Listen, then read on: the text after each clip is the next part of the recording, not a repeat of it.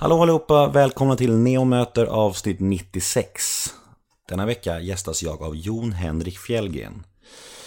Jon Henrik är samejojken som tog hela Sverige med storm när han vann Talang för några år sedan. Och sedan dess har han blivit otroligt folkkär och omtyckt och varit med i Melodifestivalen och berört oss alla med eh, sin otroligt fascinerande och gripande livshistoria och eh, unika tillvaro. Han har verkligen en unik livshistoria. Det kommer vi, ni också få höra. Jag, jag, vet, jag minns inte riktigt när jag blev så här berörd av en livshistoria sist. Och det var helt fantastiskt att få sitta ner med Jon Henrik och prata om hans liv och uppväxt och tillvaro. Jag blev väldigt, väldigt gripen. Så att jag hoppas ni också kan känna av eh, nerven och mm, i den här podcasten. Det tror jag, det tror jag ni kommer göra. Jag heter Nemo Hedén på Twitter och Instagram. Hashtaggen är NEMOMÖTER. In och gilla oss på Facebook, Nemo möter en vän. Vill ni mig något input eller feedback gällande podden eller förfrågningar eller vad som helst, skicka dem till nemohedén gmail.com. Den här podcast presenteras i samarbete med Radioplay, så in och skaffa Radioplay-appen nu på en gång. Då kan ni lyssna på Nemo möter smidigt och enkelt. Men nog om mig, dags för avsnitt 96 av Nemo Möter. Gäst Jon Henrik Fjällgren. Rulla gingen. Nemo är en kändis, den största som vi har. Nu ska han snacka med en kändis och göra honom glad. Yeah! Det är Nemo är en kändis, den största som vi har. Nu ska han snacka med en kändis och göra honom glad. Yeah! Då kör vi igång! Ja, aj då. Hej Jon Henrik Fjällgren. Hej, hej. Hej, hur är läget? Det är bra. Ja, vad bra. Ja. Eh, jag tänker så här. Vi blandar lite frågor som jag har fått från lyssnarna. Lite frågor som alla får. Och sen lite, som- ja, lite som jag ställer till alla liksom.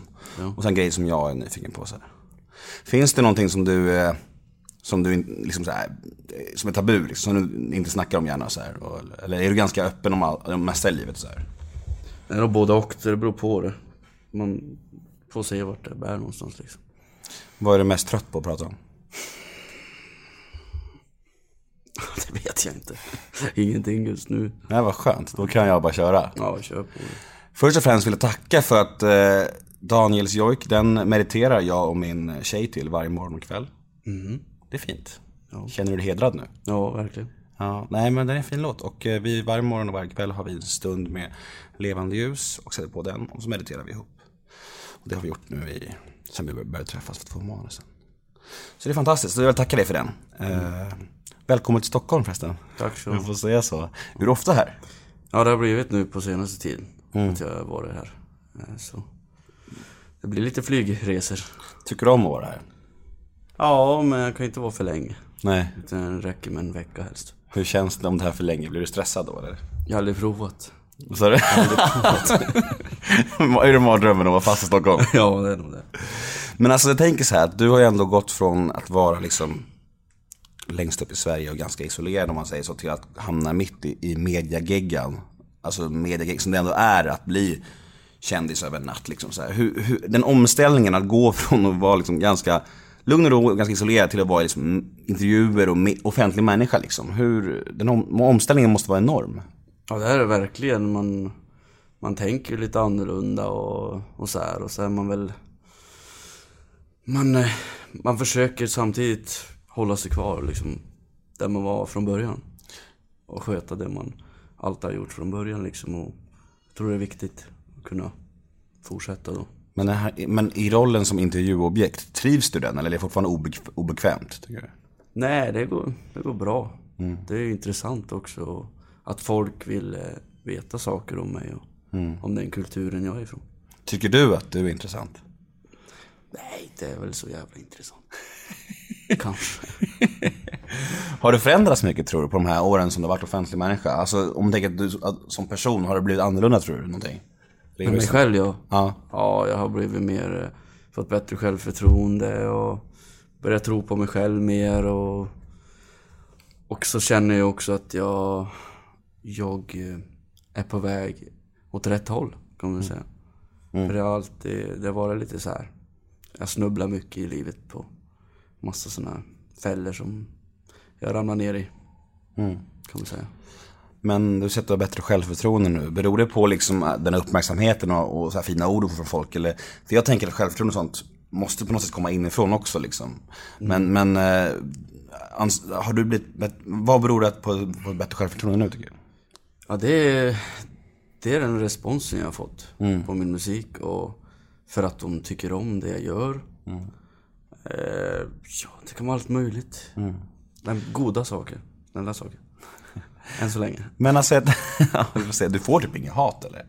Nej, jag har väl fått någon gång, men det är ingenting man lägger märke till så. Men du känns liksom, alltså, vem skulle kunna tycka illa om dig? Du känns så harmlös på något sätt. Ja, men alla har sin background. Ja, jag förstår det. Det är därför vi ska gå igenom, vi ska snöa in på den nu rejält här. Eh, hur började allt? När kom du till Sverige? Ja, jag var tre månader, två månader. ungefär. Har du någon gång tänkt att du vill åka tillbaka till, är Colombia eller hur? Ja. Har du någon gång tänkt att du vill åka dit? Jag har varit där och spelat har jag gjort. Jaha, åh fan vad häftigt. Kan Två, du, berätta, två gånger. kan du berätta lite? Ja, det var en ganska snabb visit, men fruktansvärt lång resa. Fy fan, det tog ju nästan två dygn att fara dit. Fy fan. Ja.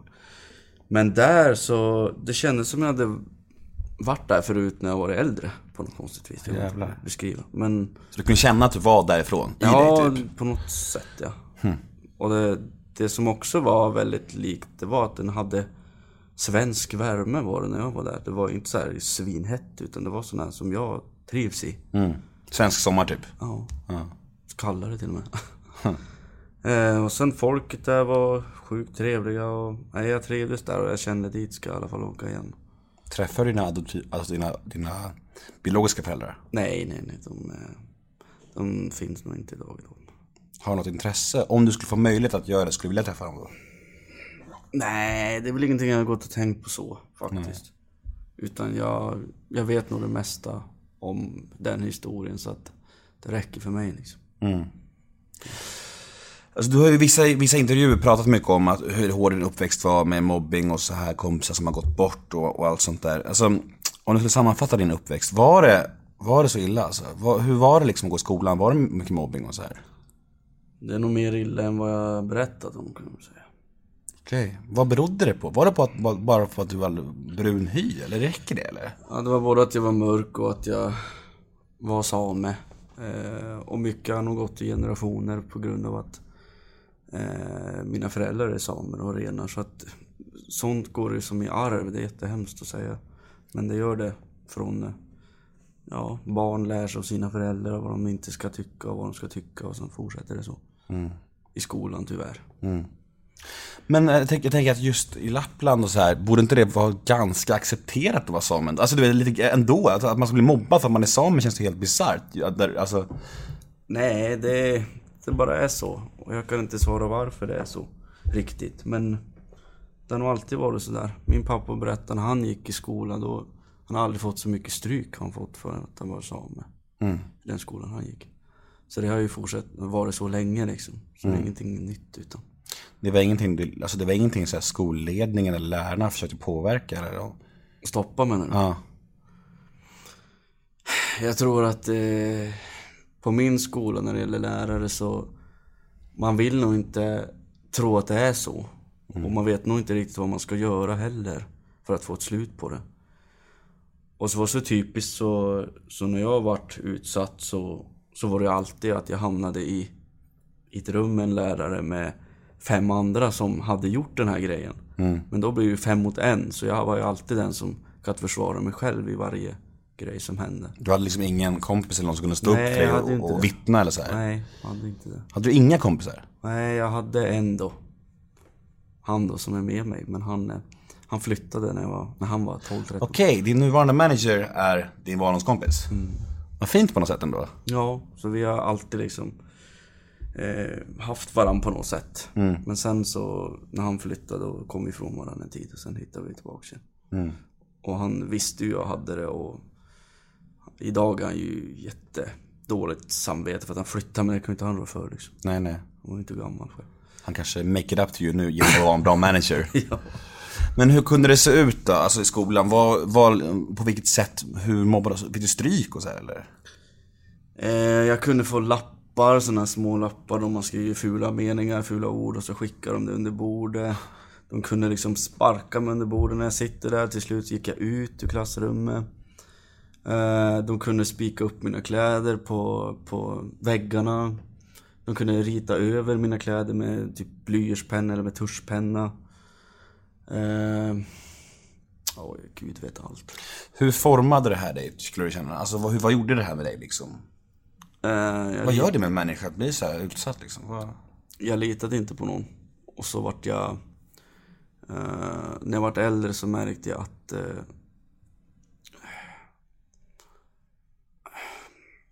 ingen ska någonsin få trampa på mig igen kände jag typ. Nej. På något vis. Och vilket visade också att jag blev lite mer... Eh, om det var någon som sa något så, så vart jag arg direkt liksom. Mm. Aggressiv eller? Ja, aggressiv ja. Ja. Lite aggressiv. Har du någonsin känt så här att du, att du ångrar att du inte liksom sa ifrån på, alltså typ såhär spöade upp dem, liksom sådär, alltså, eller du kanske gjorde det, jag vet inte. Jo, någon gång gjorde du det. Men det hamnade ju på mig. Ja, Så att eh, det gjorde ju ingen sak bättre. det lönade sig liksom inte. Nej. När slutade det här då? När, när blev du liksom, alltså, eh, när kunde du känna liksom, börja känna dig liksom trygg i dig själv och, och, och slippa de här, och vara rädd för att bli hånad, retad eller mobbad liksom?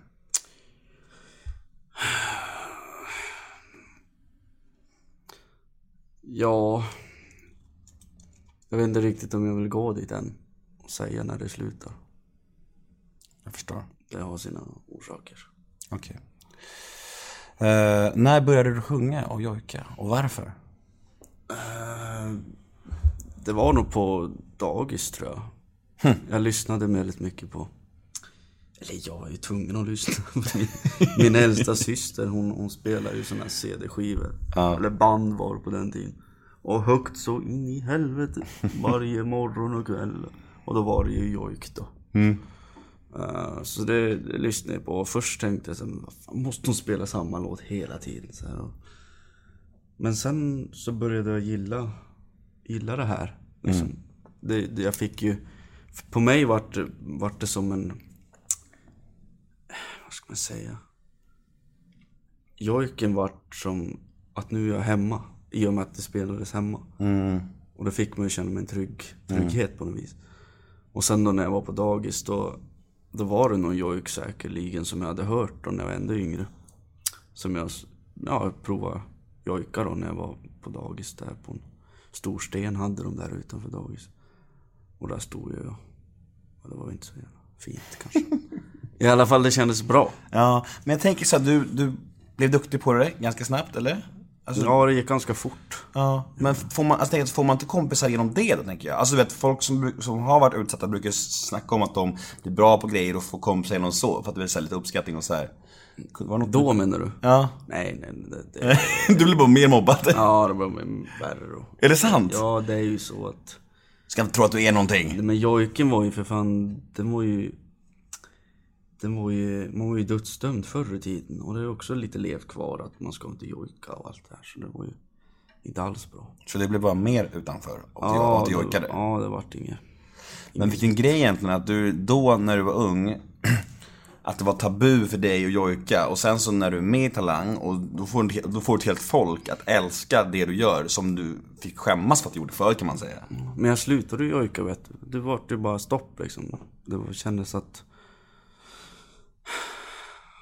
Jag vart väl lite skamsen kanske. Som en hund ungefär. Om man som blir... Men varför? För att, du, för att, folk, för att folk reagerade som, som gjorde eller? Ja. Det vart inte uppskattat liksom. Var det ingen som uppskattade det? Din familj? Jag jojkar inte, för visar ju inte att jag jojkar. Jag gjorde det oftast själv när jag var liten. Okej. Så jag vet inte. Min familj hörde ju aldrig mig när jag var väldigt liten. Det vart väl sen när jag vart äldre som jag visade upp för första gången. Var alltså, det här med talang, det känns så, alltså, det- här med att, alltså, att söka talang när man är från Lappland och, och joj, det känns så jävla långt ifrån din värld. Varför sökte du dit och hur kommer det sig att du sökte dit ens? Nej, men det var ju mina sex vänner som dog då. De eh, dog. Hade du sex vänner som dog? Ja, de dog ganska fort efter varandra i året. Alltså, det låter ju helt, det låter som en jävla skräckfilm. Det är en skräckfilm. Men i alla fall så... I och med att jag hade det tufft. Både på jobbet.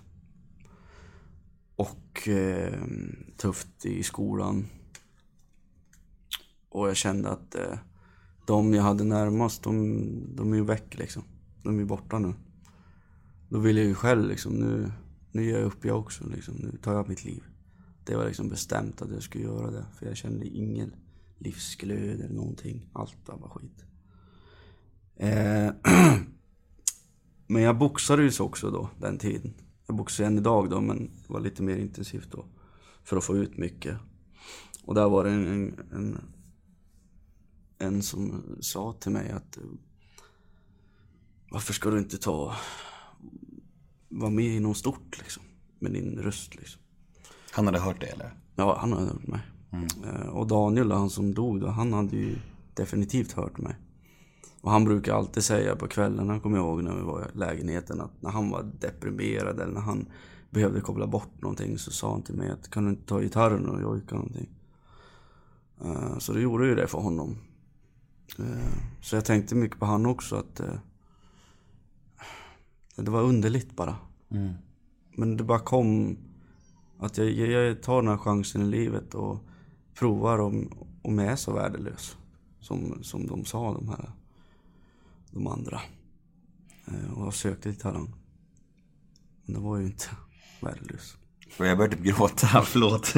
Ja, jätte, ja, kul. Alltså jag har ju sett det här klippet från Talang säkert eh, tusen gånger. Och det är ju typ det mest gripande klippet jag vet av alla klipp. Liksom. Jag, ju, jag kan se det om och om igen. Jag börjar, jag börjar gråta, gråta varje gång jag ser det. Det var, det var fruktansvärt ska jag säga det när jag for till Talang första gången på audition.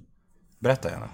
Jag var ju, när jag kom in där, alla var ju wow, uppe i hejsan och sprallig och sprang omkring. Men när jag kom dit som det var precis som jag hade kommit från begravning. Jag var ju helt knäckt när jag var där. Och så hade dina kompisar som hade dött precis liksom. Ja, typ. Ja. Och plus att eh, min mamma och, och min flickvän jag hade då, de, min flickvän visste om det, min mamma visste inte om att det här är kanske det sista min son gör. Förstår du vad jag menar?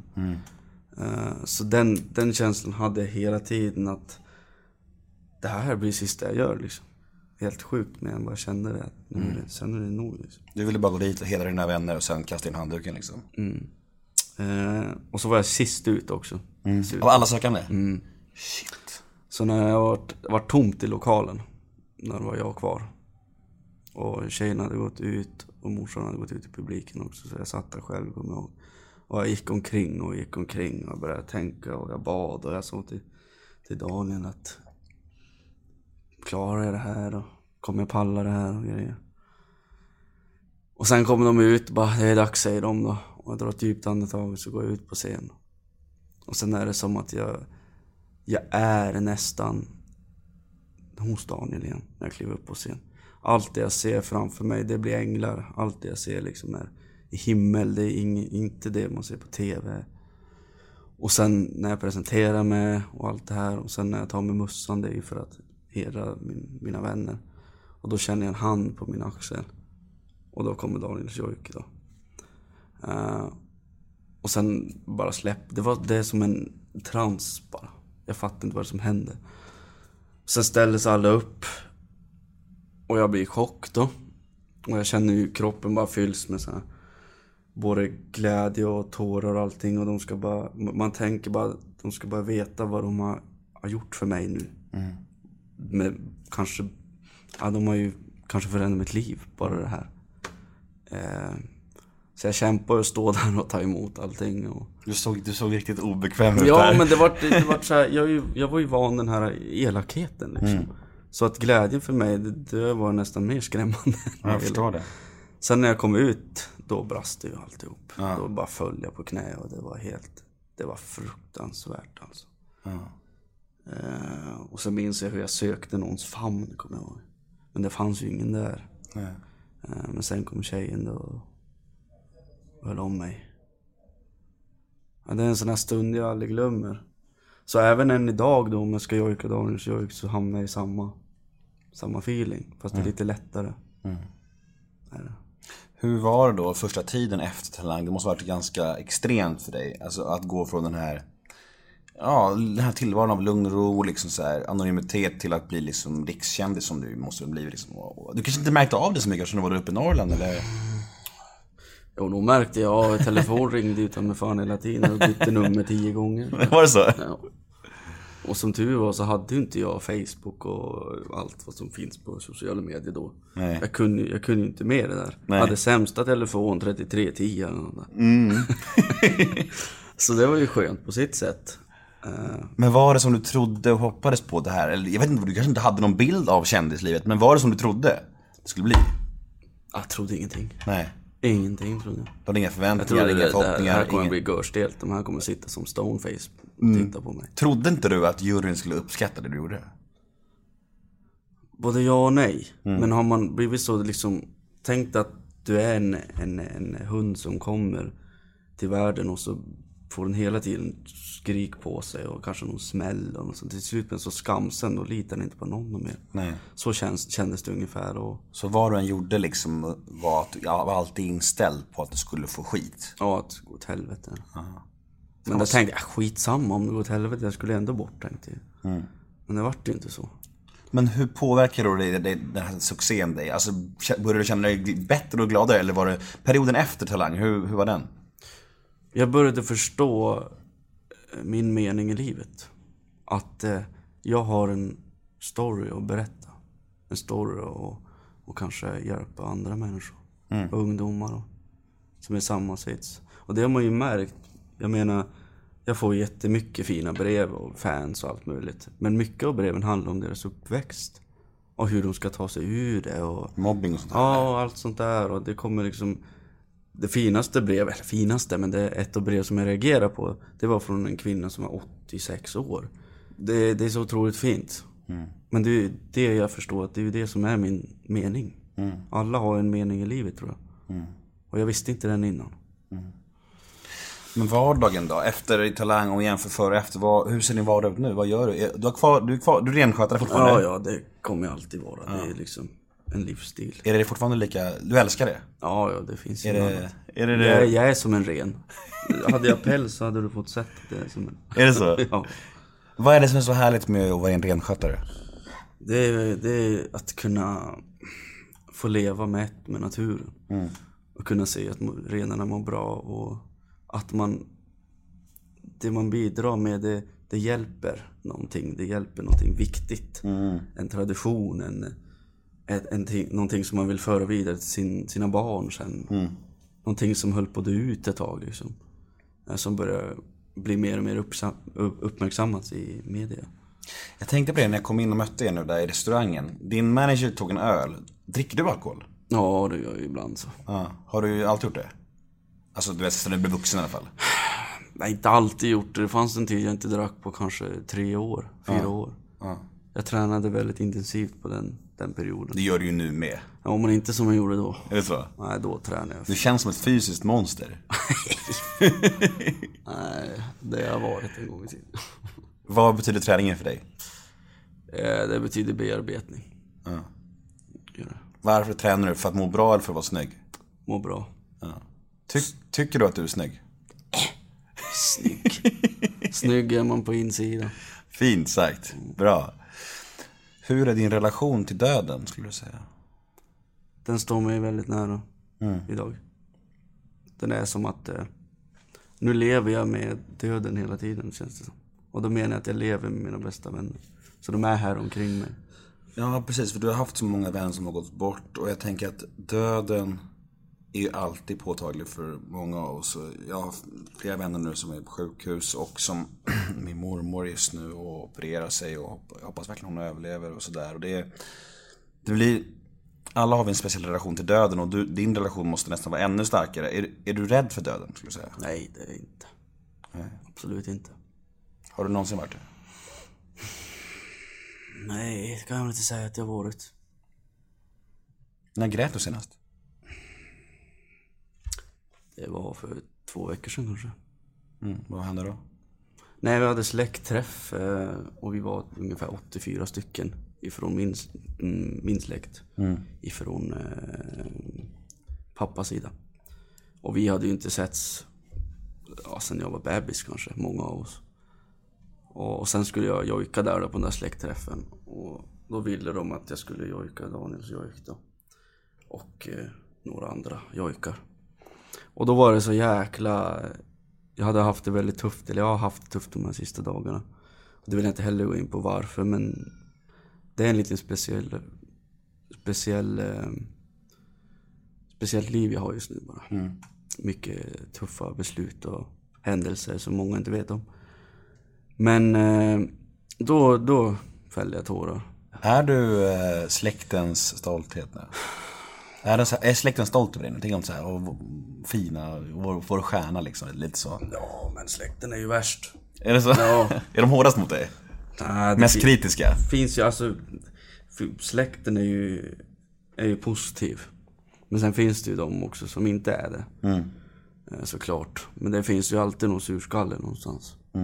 Eh, Så. Men eh, i det stora hela är de nu nog positiva. Om man kollar upp det i straffregistret, hittar man någonting då? Ja, kanske jag körde för fort en gång. Men det borde inte stå för. Nej, jag tror det är fem år va? Går det på, tror jag. Det är väl det. Okej, hur är det här med rollen med offentlig människa då? Eh, jag, kan tänka mig att det här med att ta selfies med folk på stan och bli igenkänd. Trivs du med det? Eller är det bara axelryckning? Du bryr dig inte kanske, eller? Ja, Det beror på vilket mode jag är i. Ah, Är jag, är jag deprimerad då är det jobbigt att ställa sig och smila liksom. Ehm, och i, men annars, det är ju något man får räkna med när man, när man har hamnat så här som man har gjort. du ångrar ingenting? Att du blev känd liksom? Jo, ibland blir man ju lite, man blir ju lite så här. Man känner som lite ansvar bara. Att, eh, att alltid visa att man, att den är framåt och att man är positiv till allting och vill kämpa och kämpa. Men visst, jag har sådana stunder då jag bara vill bara lägga mig ner och bara, "Puff, jag orkar inget mer. Rollen som förebild och inspiration, är det, det är inte bara positivt. Man måste ju, man får ju, det är ju lite prestationsångest Ja, också. det är ju verkligen det. Men det är också en ynnest att folk får se upp till det. Det är också, man får tänka på det så. Det är ju väldigt fint att få vara en förebild. Ja, visst. Det kan ju vara åt andra hållet också. Ja, jo, något som folk ser ner ser ner på. det är inte så bra. Eh, Jag har ett segment som heter ett ord om. Det går ut på att jag säger fem stycken offentliga människor i Sverige. Så ska du säga första ordet som kommer i ditt huvud när du hör deras namn. Om man tänker om man inte vet vilka det är. Ja, Det kan vara så. Jag vet inte, Alltså, är, du bra, är du bra på kändisar? Nej, hehe. Nej, vi får se om du kan någon då. Ja, okej. Alex Schulman. Oj, ingen aning. Marcus Birro. Det lät som en finsk. Sara Larsson. Eh, stark kvinna. Jimmy Åkesson. Ja, han har sina värderingar. Leif GW Persson. Ganska... Vänta nu, är det han som är... Han är kriminalgubbe, Ja, tjockisen. han, ja. Han som grymtar så mycket. Du vet. Eh, väldigt långsam när han ska föra samtal. Ja, det, han låter mest som en stor gris bara. Ja, jag tror inte att... eh, Precis så. Veckans brev lyder så här. Hej Jon Henrik, du är så otroligt snygg. Är du singel och vad gör jag om jag vill gå på dejt med dig? Ja, jag är singel. Du ser, woho! Ja, om du ska gå på dejt med mig, ja du. Då måste du hitta mig först. Och det är som att hitta en nål en myrstack på Fjälle. Bor du öde? Ja, det gör jag. Hur långt bor du från kommunaltrafiken? Nej, det är väl i alla fall två mil då till närmsta större samhälle kan man säga. Och det är? Funäsdalen. Och det, alltså hur långt är det till stor, närmsta storstad då? Östersund är 26 mil kanske. Okej, Sen är det Norge 6 mil. alright. Uh, hur är du med kritik? Alltså jag tänker att du är en offentlig människa och du kanske får kommentarer och så här. Blir du ledsen då eller rinner det bara av dig? Jag tror inte man ska gå så djupt in på sånt bara. Nej. Kritik har jag alltid fått så, whatever. Men är du mer hårdhudad idag än när du var yngre? Eller har du alltid varit ganska hård? Alltså, Nej, nog ganska, har alltid varit annars har jag inte klarat av det. nej. Du verkar ju, ja du säger att du går igenom några jobbiga dagar. Och en av mina frågor är, vad får du som mest ångest för idag? Vad, vad, när blir du som ledsnast idag? Det får jag av eh, eh, den eh, skam och, och eh, ångest jag har lagt på mig genom åren. Varför har du lagt skam på dig för? Och det är det jag inte riktigt vet. Men det är lätt att göra det när man har blivit utsatt för mycket. Så är det att man tar på sig själv. Att, Att man sätter på sig själv någon slags eh, ja, det dålig... är mitt fel alltihop. Ja. Det är nog det som är det värsta och det är min dröm att jag får bort. Men har du inte funderat på någon, någon gång gå du har, Jag vet att du har pratat med professionella om det här. Men har du inte funderat på att gräva djupare i det? Så här, psykiatriker och sån här liksom. Ja, jag har varit inne på psykiatriker och jag har varit inne på psykiatrier och på terapier och behandlingar och sånt här. Så det, Mediterar du? ja, det gör jag. Har du några komplex? det är någon som undrar det, jag vet inte. Jag tycker du, alltså jag är inte homosexuell men jag tycker du, jag tycker du ser skitbra ut. Jag, jag, skulle, jag, skulle, jag skulle inte ha någon komplex som jag du. Komplex. Ja, det är att jag så... Mer kroppsligt eller... Ja, både- du får säga både Som person. Som person, eller fysiskt eller psykiskt. Ja, som person är väl att jag är så jäkla svår kanske. Är du svår att komma nära för nya människor? Nej, inte komma nära, men jag är svår och om jag ska välja en tjej så är jag väldigt svår. På vilket sätt? Kräsen? Jag, jag, jag vet inte. Du vet inte Det bara sätt du är något svår? jag märkt genom åren. Ja. Tjejerna som jag har dejtat, de brukar säga Alltså, du vill först och sen vill du ingenting. Nej. Och Men det, är det för att du blir nöjd när du får tjejen? Nej, jag tror det har med min... Eh, mina... Ja, nu måste vi gå tillbaka till Colombia igen. När jag föddes där. Ja, men kör. Eh, där fick jag reda på att eh, när man blir adopterad som barn då går man ifrån sin mamma och det är den största skada ett barn kan få uppleva, även fast det är så litet. Anknytning. Ja, den blir bara... Så barnet skriker ända tills... För att den skriker tills den får sin mamma tillbaks. Och så när barn, mamman inte kommer tillbaks så tystnar barnet. Och sen blir det lite så här... äh, Svårt för att ta in kärlek något mer från andra och... Och så här, den kan komma nära men det tar stopp liksom. Det tar stopp när det är alldeles för nära. Och det har jag ju märkt hela min uppväxt. Och jag har aldrig fattat var det in, var, varför det är så. Men när jag var där fick jag reda på mycket orsaker varför det är så. Mycket förklaringar på varför du är som du är och så. Ja, Men du vill ha barn och så här eller? ja, så länge man funkar så. Vad söker du i en kvinna? Oj. Mm, svår Det fråga. en kärleksroman det här. Ja, vi har- vi har tid på oss. Nej, en trygghet och att hon... eh, Att hon eh, älskar natur och djur och eh, renen framför allt. Och eh, är beredd på att offra väldigt mycket om, om hon ska bli lag med mig. För att det är väldigt... Det är inte som man kanske ser på film, samiska livet, utan det är ganska... Man träffas inte ofta när man är tillsammans. För att mannen är ute i skogen för det mesta med renjorden. Kommer hem någon gång i veckan kanske. Och kvinnan är med barnen hemma. Så brukar det vara. Eh, Ganska konservativt och gammaldags på det ja, sättet. det är väldigt sånt gammaldags. Du behöver någon som har samma grundvärderingar och och mål som du och vill ha samma liv som du. Ja, Och det- för jag kommer ju inte byta liv. Nej. Om jag träffar någon och... Vart du nu ska. Skulle någon tjej, och, alltså, hur kär du än var, skulle någon tjej kunna få dig att lämna ditt liv där uppe? Nej. Spelar ingen roll hur snygg hon är. Jag älskar hur du bestämde, det är roligt. Eh, men okej, drömmar och framtid då? Hur ser, hur ser Jon Henrik Fjällgrens liv ut närmaste tiden? Vad har du i kikaren och vad, vad vill du göra? Vad drömmer du om liksom? Och du får inte smaska så mycket när du äter Läkerol, för det är känsliga, och det är känsliga mickar här, bara så du vet. Fan. Svälj den där jäveln nu. Ja men smakar bättre när man smaskar har jag hört. Ja, vad fan, den här micken, då, då, då kommer jag bara höra någon sån här smask. Nej men mina drömmar är väl att få ut skivan någon gång. Mm. Den är en jäkla tid. Du skriver musiken själv? Ja, Ja. men sen får vi lite hjälp då i, av olika studiomänniskor här i Stockholm. Varför går det så långsamt att få ut en skiva då? Sony Music. Det är så? De är ju lite så här att, ja, vi väntar lite till. Mm. Så det är väl de som håller i det, men de vet väl, vet väl när det är bäst att släppa kanske. Vi får anta det. Ja, Annars då, har du några andra drömmar? För- Förutom musiken, något du verkligen vill göra? Något drömprojekt eller så här du skulle vilja göra? Skådespela, skriva en bok? Ja, min dröm är att göra en film liknande Ondskan. En sån här. Om ditt liv alltså? Ja. Fan vad häftigt det Men hade inte varit. att jag är skådespelare utan att någon annan är det. Det är en, har varit en stor dröm. Vem skulle vilja se i rollen som dig själv? Oj. Det vet jag inte. Det må ju vara någon som är duktig. Ja, vi hoppas det. Mm. Jag börjar, börjar bli klar alltså. Jag tycker att det var superhärligt att få en stund med dig. Ja, absolut. Var... Tycker att jag skötte mig? Ja, ja, ja.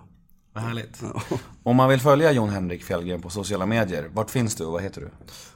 Jag finns på Instagram på Jon Henrik Fjällgren official. Och så finns jag på en eh, Instagram-sida som heter Jon Henrik Training tror jag den heter. Där jag har en massa sådana träningstips och sådär.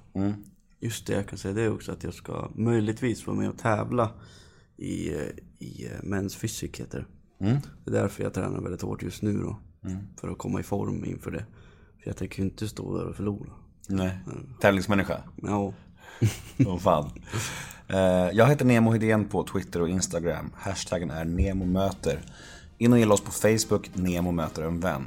Och jag säger stort tack till Jon Henrik Fjällgren. tack.